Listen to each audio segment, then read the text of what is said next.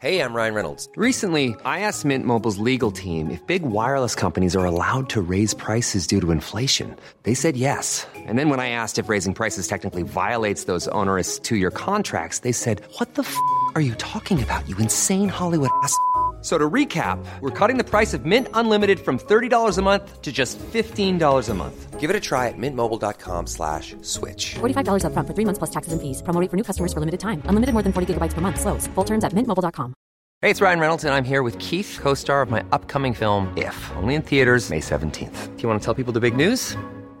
All right, I'll do it. Sign up now and you'll get unlimited for $15 a month in six months of Paramount Plus Essential Plan on us. mintmobile.com slash switch. Upfront payment of $45 equivalent to $15 per month. Unlimited over 40 gigabytes per month. Face lower speeds. Videos at 480p. Active Mint customers by 531.24 get six months of Paramount Plus Essential Plan. Auto renews after six months. Offer ends May 31st, 2024. Separate Paramount Plus registration required. Terms and conditions apply if rated PG. I'm Sandra, and I'm just the professional your small business was looking for. But you didn't hire me because you didn't use LinkedIn jobs. LinkedIn has professionals you can't find anywhere else, including those who aren't actively looking for a new job but might be open to the perfect role, like me.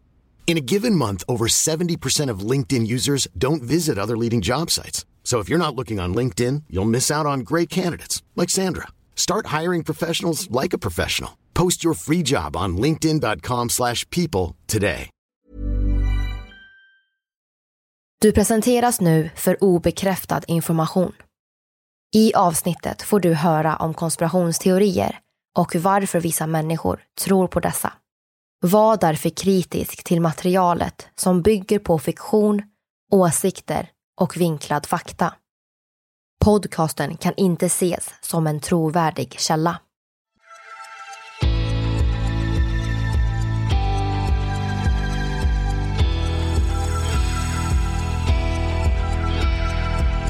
Det här är podden för dig som är intresserad av en annan version av verkligheten. En version som tar upp alternativa teorier, mystiska sammanträffanden och diskussioner om vad som kan vara sant. Mitt namn är Vivi. Och mitt namn är Aida. Och det här är konspirationsteorier. Allihopa och välkomna till det sista avsnittet för säsong 10. Vi är då Vivian Lee och Aida Engvall. Hallå, hallå. I det här avsnittet så tänkte vi faktiskt bjuda på någonting som vi inte haft innan. Vi har faktiskt med oss en gäst den här gången. Och det är inte vem som helst utan det är faktiskt journalisten och författaren Kent Werne. Ja, varmt välkommen till podden Kent. Du har ju skrivit lite böcker om konspirationsteorier. Vi tänkte att vi börjar avsnittet med att du ska få presentera dig själv och berätta om det, vad det är du har gjort.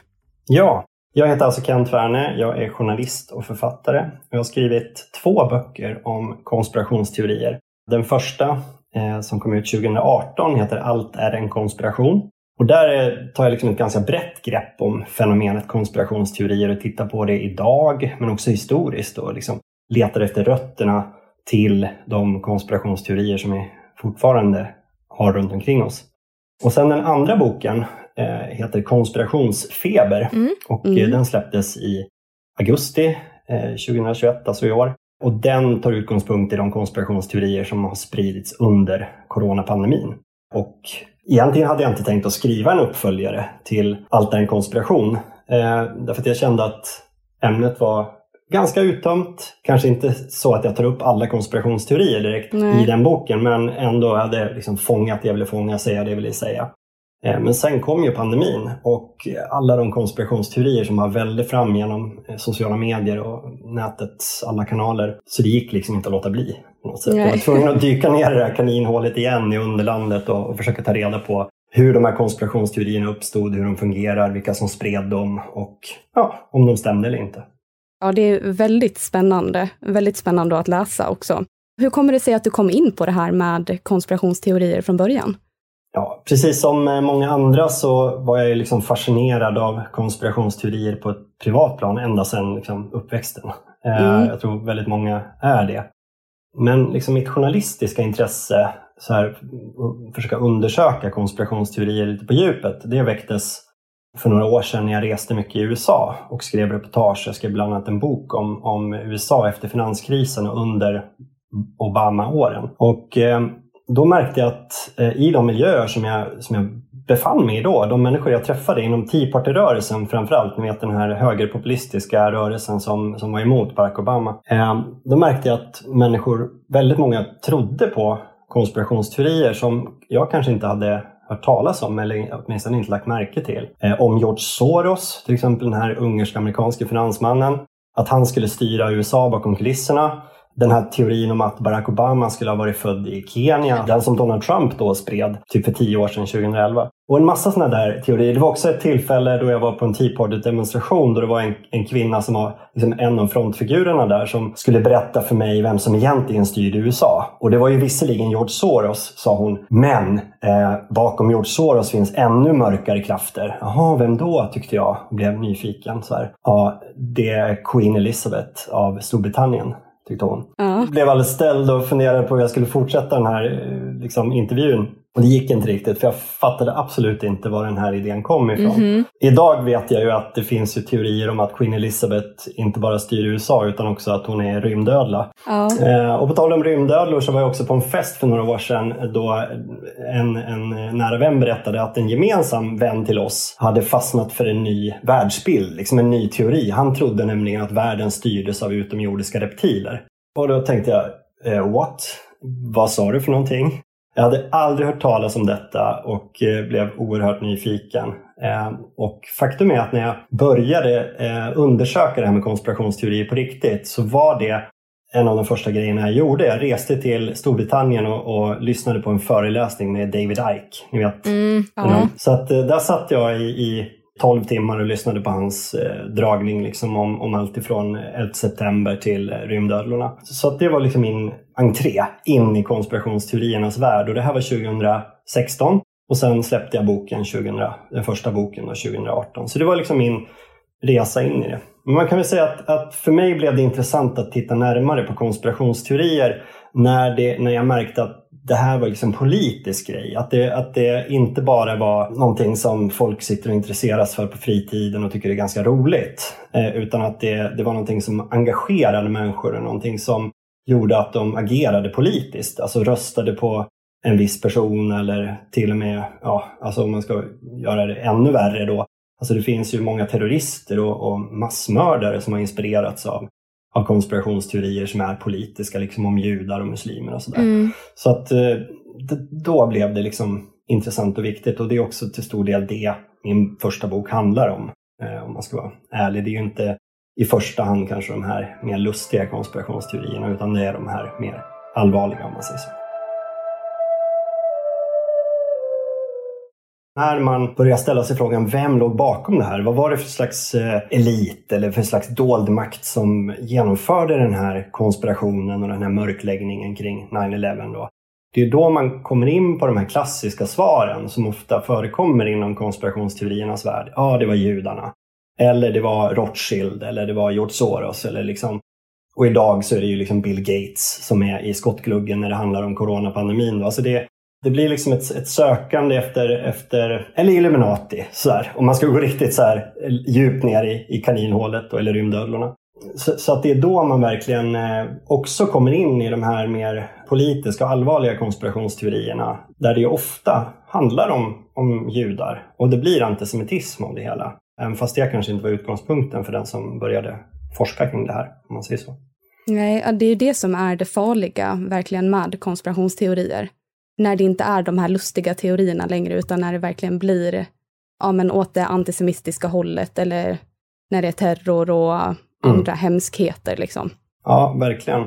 Och det, jag, jag, tycker det är viktigt att skilja mellan de där sakerna. Jag menar, det är ju in, in, inte farligt om folk tror att Elvis lever eller Nej. ens eh, egentligen att världen styrs av rymdödlor det blir ju farligt när det är verkliga personer som faktiskt pekas ut eller folkgrupper som judar eller muslimer, religioner och så, eh, som får skulden för någonting. Eh, mm. Som blir syndabockar. Liksom. Och det var ju tydligt när jag, dels i min första bok när jag, när jag tittade på historien, där var ju antisemitismen en väldigt viktig pelare liksom, i det jag kallar för konspirationstänkandets historia. det kokar ofta ner till att man påstod att det var judarna som låg bakom alltihop. Och det här började egentligen i, på allvar i mitten på 1800-talet. Och sen gifte sig liksom den antisemitiska världsbilden med det här om Illuminati som egentligen hade uppstått innan då. Eh, alltså ett mm. hemligt sällskap som på något sätt skulle ha legat bakom en massa saker.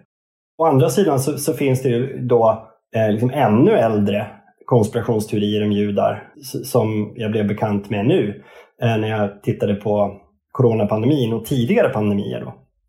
Som liksom, eh, för att hitta det här historiska mönstret på något sätt. Då märkte jag att, okej, eh, okay, så långt tillbaka som digerdöden på 1300-talet så spreds det konspirationsteorier under pandemin. Och då var det ju då judarna som fick skulden för och pekades ut som de som hade spridit pesten genom att förgifta brunnar. Så tiotusentals judar brändes på bål i Europa anklagade för att ha förgiftat eh, de kristnas dricksvatten. Och det var ju naturligtvis helt befängt. Det finns inga belägg för att det var på det sättet. Jag menar, pesten spreds av råttor och löss och så. Men det var judarna som fick skulden och vi ser det liksom återkomma om, om och om igen genom historien. Dels att judarna får skulden men också att det uppstår konspirationsteorier just, just under pandemier och liknande kriser av det slaget. Liksom. Och så är det också idag då under pandemin som vi fortfarande lever under. Mm. Jag hade ingen aning faktiskt att eh, det här med pesten och det, att det spreds konspirationsteorier om att det var judarnas fel. Jag blev väldigt chockad när du berättade det nu. Och att det är så gammalt, alltså att konspirationsteorier är så gammalt.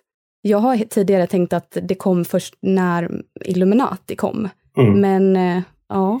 Ja, det trodde kanske jag också. Ska man titta egentligen på de konspirationsteorier som fortfarande existerar och som folk pratar om och undersöker på något sätt så är det ju tillbaks till franska revolutionen och då, då just konspirationsteorin om Illuminati och frimurarna som påstått skyldiga till revolutionen spreds. Och de, de teorierna och de personerna liksom, som spred de teorierna lever fortfarande kvar liksom, i den här konspirationskulturen. Men egentligen är kanske konspirationsteorier lika gamla som mänskliga samhällen. Vi kanske alltid har misstänkt folk inom vår grupp eller andra grupper för att planera saker i det dolda, för att konspirera helt enkelt. Och ibland har det ju varit så. Jag menar, ibland, det, är klart det har ju förekommit konspirationer, ingen, ingen tvekan om den saken. Ta bara mordet på Julius Caesar eller mordet på Gustav III var ju klockrena konspirationer med stor mm. betydelse i historien. Men det har också funnits, uppenbarligen väldigt långt tillbaka, idéer eller berättelser om konspirationer som inte bygger på fakta, som inte har varit sanna. Till exempel att kejsar Nero skulle ha bränt ner Rom det finns inga belägg för, men det var en, en teori som spreds redan på den tiden, alltså för typ 2000 år sedan, mm. som folk kanske fortfarande tror på.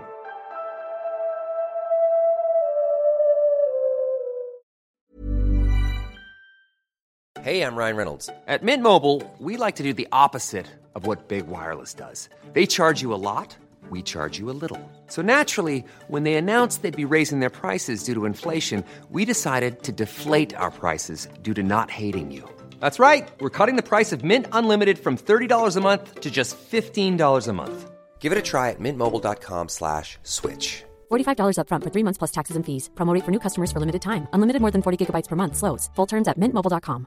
Hey, it's Ryan Reynolds, and I'm here with Keith, co-star of my upcoming film, If, only in theaters May 17th. Do you want to tell people the big news?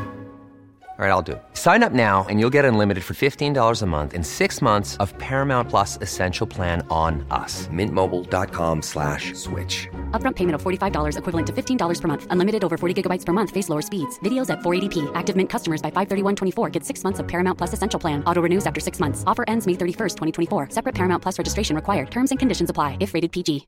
If you're looking for plump lips that last, you need to know about Juvederm Lip Fillers. With Juvederm Volbella XC and Juvederm Ultra XC, your lip look, whether it's subtle or bold, can last up to one full year with optimal treatment and no additional maintenance. Find a licensed specialist and see if it's right for you at Juvederm.com today. That's J U V E D E R M.com. Add fullness to lips in adults over 21 with Juvederm Volbella XC or Juvederm Ultra XC. Do not use if you have severe allergies or a history of severe allergic reactions, or if you're you're allergic to lidocaine or the proteins used in Juvederm. Tell your doctor if you have a history of scarring or taking medicines that decrease the body's immune response or that can prolong bleeding. Common side effects include injection site redness, swelling, pain, tenderness, firmness, lumps, bumps, bruising, discoloration, or itching. As with all fillers, there's a rare risk of unintentional injection into a blood vessel, which can cause vision abnormalities, blindness, stroke, temporary scabs, or scarring. For full important safety information, visit juvederm.com.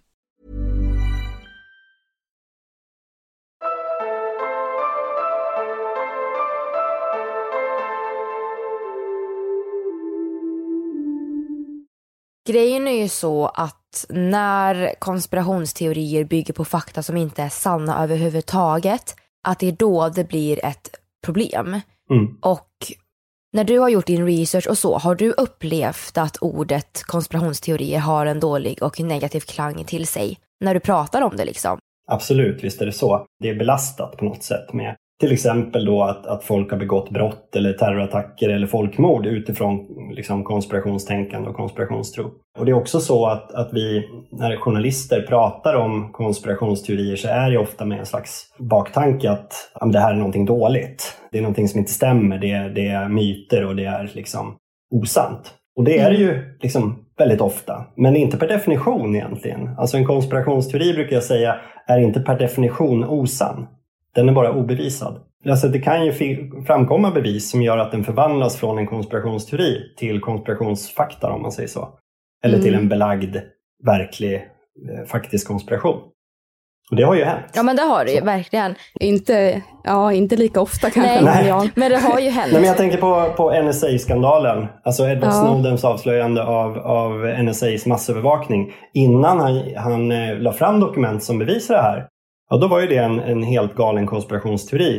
Men sen blev det ju då fakta. Alltså det var, gick Mm. inte att förneka det här längre. Men skillnaden då, det var ju att okej, han la fram bevis som höll för prövning. Alltså när journalisterna tittade på de bevisen han la fram, ja men då funkar det. Då trodde man på det. Och problemet för många konspirationsteoretiker är att de bevis som de presenterar och hävdar skulle vara något belägg för att den här konspirationen existerar eller har genomförts. De håller liksom inte för den typen av prövning och granskning. Och det vet ju kanske ni som har tittat på, på många konspirationsteorier att, att i, i väldigt många fall så är det de bevis som framförs, de är, de är ganska dåliga. Alltså, man kan Mm. genomskåda dem relativt lätt. Inte alltid då, men, men ganska ofta. Så det är liksom det som är problemet. Men så här, hur resonerar en konspirationsteoretiker då? När den liksom tittar på de här sambanden och liksom får det till en teori. Ja, jag skulle säga att om, om man är inbiten konspirationsteoretiker och har liksom befunnit sig i det här kaninhålet ganska länge, då har man som utgångspunkt att så fort någonting händer så tänker man att det måste vara en konspiration. Man avfärdar ganska snabbt den officiella förklaringen och tror att den är bedrägeri och man börjar leta efter alternativa fakta i, i, på olika sajter och delar i, eh, med andra i sociala medier och sådär. Och ganska snabbt kommer man fram till att den officiella berättelsen, att det finns en annan sannare berättelse så att säga. Mm. Eh, och man påstår att det är en konspiration. Och det var ju precis det här som hände när coronaviruset började spridas. Eh, alltså egentligen innan det ens fanns en, en färdig officiell berättelse om coronapandemin så spreds det ju då alternativa fakta och konspirationsteorier där man påstod utan bevis att det var till exempel Bill Gates som hade skapat det här eh, viruset tillsammans med vaccinindustrin i syfte att, att tjäna pengar på ett, ett kommande vaccin eller ett vaccin som redan var klart. Mm. Eller alternativt att det här var ett, ett biologiskt stridsmedel som hade släppts ut medvetet. Mm. Eh, så det där var liksom, eller att det var 5G som, som låg bakom det hela eh, istället för att det var ett virus. Så att det är ofta så det går till. De som är konspirationstroende tror ju på flera konspirationsteorier och ofta tror man att världen styrs av en eh, mäktig konspiration av dolda makter. Och när någonting händer så utgår man närmast ifrån att det är den här dolda makten som ligger bakom det också. Det är så det eh, går till när en konspirationsteori skapas. Misstanken finns redan där. Och sen liksom försöker man plocka efter fakta på nätet eller i olika källor som man tror ska bevisa då det här man har sagt eller det här man påstår. Varför tror du att vi dras så lätt till olika konspirationsteorier? Mm. Ja, det är en jättebra fråga och det, det, är en fråga som har många svar. Och det finns ju psykologer och, och sociologer och statsvetare och historiker som har tittat på det här och försökt eh, liksom, förstå varför vissa människor tror på konspirationsteorier och andra inte. För så är det ju, även fast väldigt många gör det så är det ju fler som inte tror på konspirationsteorier. Man kan väl också säga att ganska många människor vägrar acceptera slumpen. Utan man vill tro eller tror att det är någon som ligger bakom det som händer. Att det finns en, en, en slags medveten tanke bakom det, en avsikt om man säger så. Så att det, det, är också en viktig drivkraft bakom tron på konspirationsteorier. Man kan väl också säga att, att eh, i botten av konspirationstänkandet så finns det en djup misstro mot samhället, mot etablissemanget, mot myndigheter, mot eh, demokratin ofta. Så här. Och ibland är ju den misstron befogad. Man ska inte sticka under stolen med att det förekommer maktmissbruk och konspirationer och eh, orättvisor där ute som gör att vissa människor, ja men man kan förstå varför de tror på konspirationsteorier om mäktiga eliter som konspirerar i det, i det dolda. Liksom. Men, men, väldigt ofta så det, stämmer det ju inte, så att säga. Den misstron är inte befogad, utan det är någonting som sprids snarare av politiker eller propagandister eller, eller så. Och sen en sista grej jag skulle vilja nämna som gör att människor fastnar för konspirationsteorier och börjar tro på dem, det hänger ihop med coronapandemin. Och det tyckte jag var väldigt tydligt i samband med rädslan som spred sig och liksom oron och osäkerheten över världen. Att det är en väldigt viktig orsak till att folk öppnar ögonen för den här typen av alternativ information och söker förklaringar i dolda komplotter och sammansvärjningar. Antagligen för att konspirationsteorier på något sätt ordnar upp det här kaoset lite grann.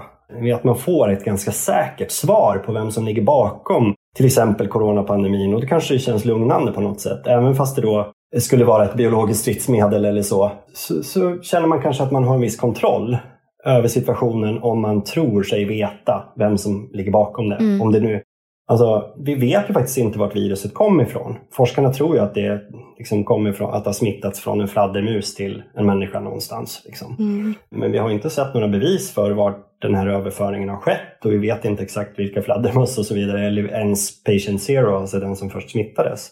Så osäkerheterna kring det där låg i botten för spridningen av konspirationsteorierna kan mm. man säga. Och mm. konspirationsteorierna gav ju mycket säkrare svar.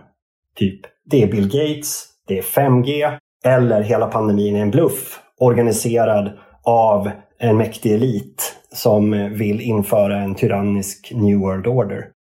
Det är också en teori som har spridits väldigt mycket. Så att det är på det sättet fungerar, skulle jag säga.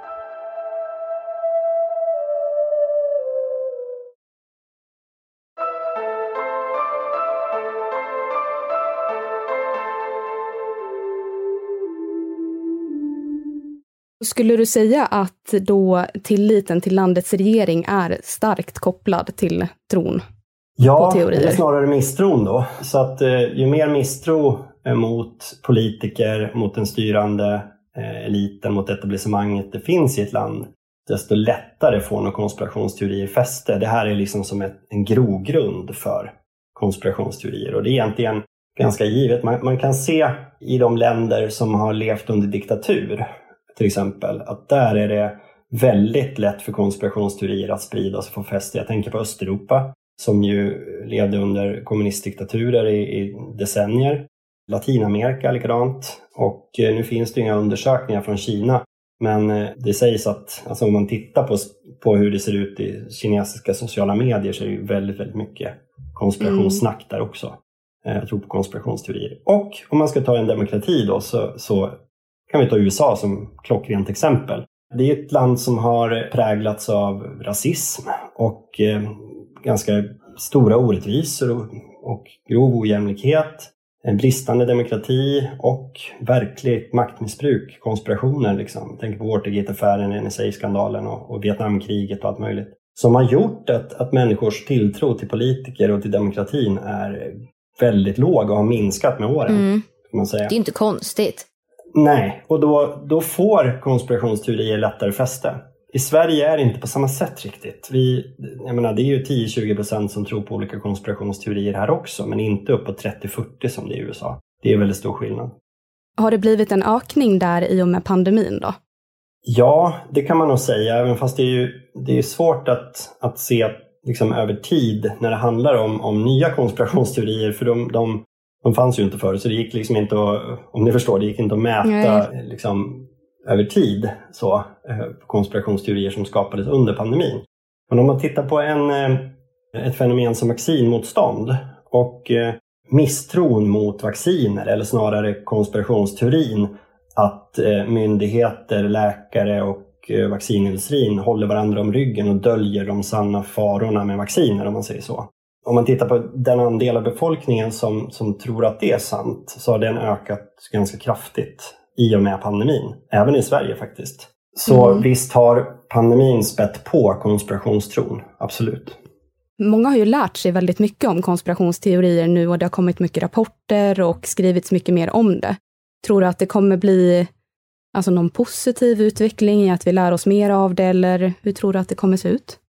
Ja, på ett sätt så, så löser ju saker och ting sig självt. Därför att nu håller ju liksom lockdowns eh, på att eh, avslutas och eh, restriktionerna lättar och i, i Sverige har vi knappt några restriktioner längre. Nej, inte jämfört med där jag är just nu. Nej, jag vet att i Storbritannien är det lite annat läge. Mm. Oh. Eftersom det har varit någonting som konspirationsteori teoretikerna har hävdat då och mobiliserat kring. Man, man har påstått att restriktionerna är liksom det är själva planen och vägen mot den här totalitära diktaturen som då enligt dem ska uppstå på global nivå när som helst. Om det här nu då försvinner och lättar och det inte uppstår någon global diktatur på global nivå, om vi låter oss utgå från det då, menar, då, då motbevisas ju den här teorin och, och eh, det tappar styrfart på något sätt. Och det har vi sett lite grann i Sverige när de här demonstrationerna samlar inte lika många personer längre. Det man har gjort nu då, det är att man har fokuserat mer och mer på vaccinerna och säger att, att de, de är farliga, de är giftiga, de innehåller mikrochip som, som kommer att injiceras i oss. De kommer att förändra vårt DNA, eh, alltså så att vi blir någon slags genmodifierade varelser. Det finns mm. jättemycket konspirationsteorier om covid-vaccinerna. Så det har ju varit senaste, egentligen senaste året har ju det jag kallar för pandemiförnekarna då fokuserat jättemycket på vaccinerna. Men även där så börjar man ju då förlora matchen om man säger så. Och eh, argumenten biter nog inte lika mycket längre just därför att den stora majoriteten av befolkningen har ju nu vaccinerats. Och vi har inte sett någon massdöd. Nej, um, precis. Vi, vi, har inte förvandlats till några cyborgs och vi är inte sterila. Så att eh, de, de konspirationsteorier som har spridits om vaccinerna verkar ju inte riktigt stämma. Och ju längre bort ifrån liksom, pandemins kulmen vi kommer och de här konspirationsteorierna inte besannas på något sätt. Det finns, så länge inga bevis framkommer, så, så kommer konspirationsfebern, som jag kallar det, att mattas av. Men då är ju det grejen då att om det kommer en ny kris, en ny pandemi eller en finanskris eller vad som helst, så kommer det att bli en ny konspirationsvåg där nya konspirationsteorier föds och eh, sprids som en löpeld. Så att det, det är inte så att konspirationstänkandet kommer att bedarra och försvinna. Absolut inte.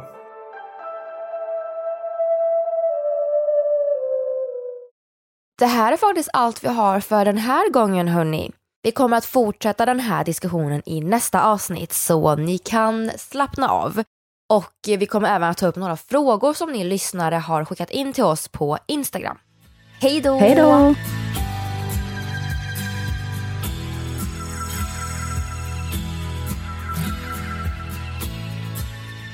Du har lyssnat på Varför tror vi på konspirationsteorier? Avsnittet gjordes hösten 2021. Vi som har gjort programmet heter Vivian Lee och Aida Engvall tillsammans med redigerare Jenny Olli. Källorna till dagens program hittar du via vår Facebook eller Instagram där vi heter konspirationsteorier. Via våra sociala medier kan du även skicka in tips och önskemål på teorier som du vill höra i podden. Vill du höra fler avsnitt av konspirationsteorier? Besök din poddapp och lyssna på avsnitt som Vem mördade presidenten? From the get-go the news was so hard to believe. A single man with a rifle killing the protected leader of the free world. 9-11. What would I have done? Yeah. I would have done a legitimate, eh, a legitimate investigation to find out what exactly happened on 9-11. How did they know who did this so quickly like they did Lee Harvey Oswald. Och mycket mer.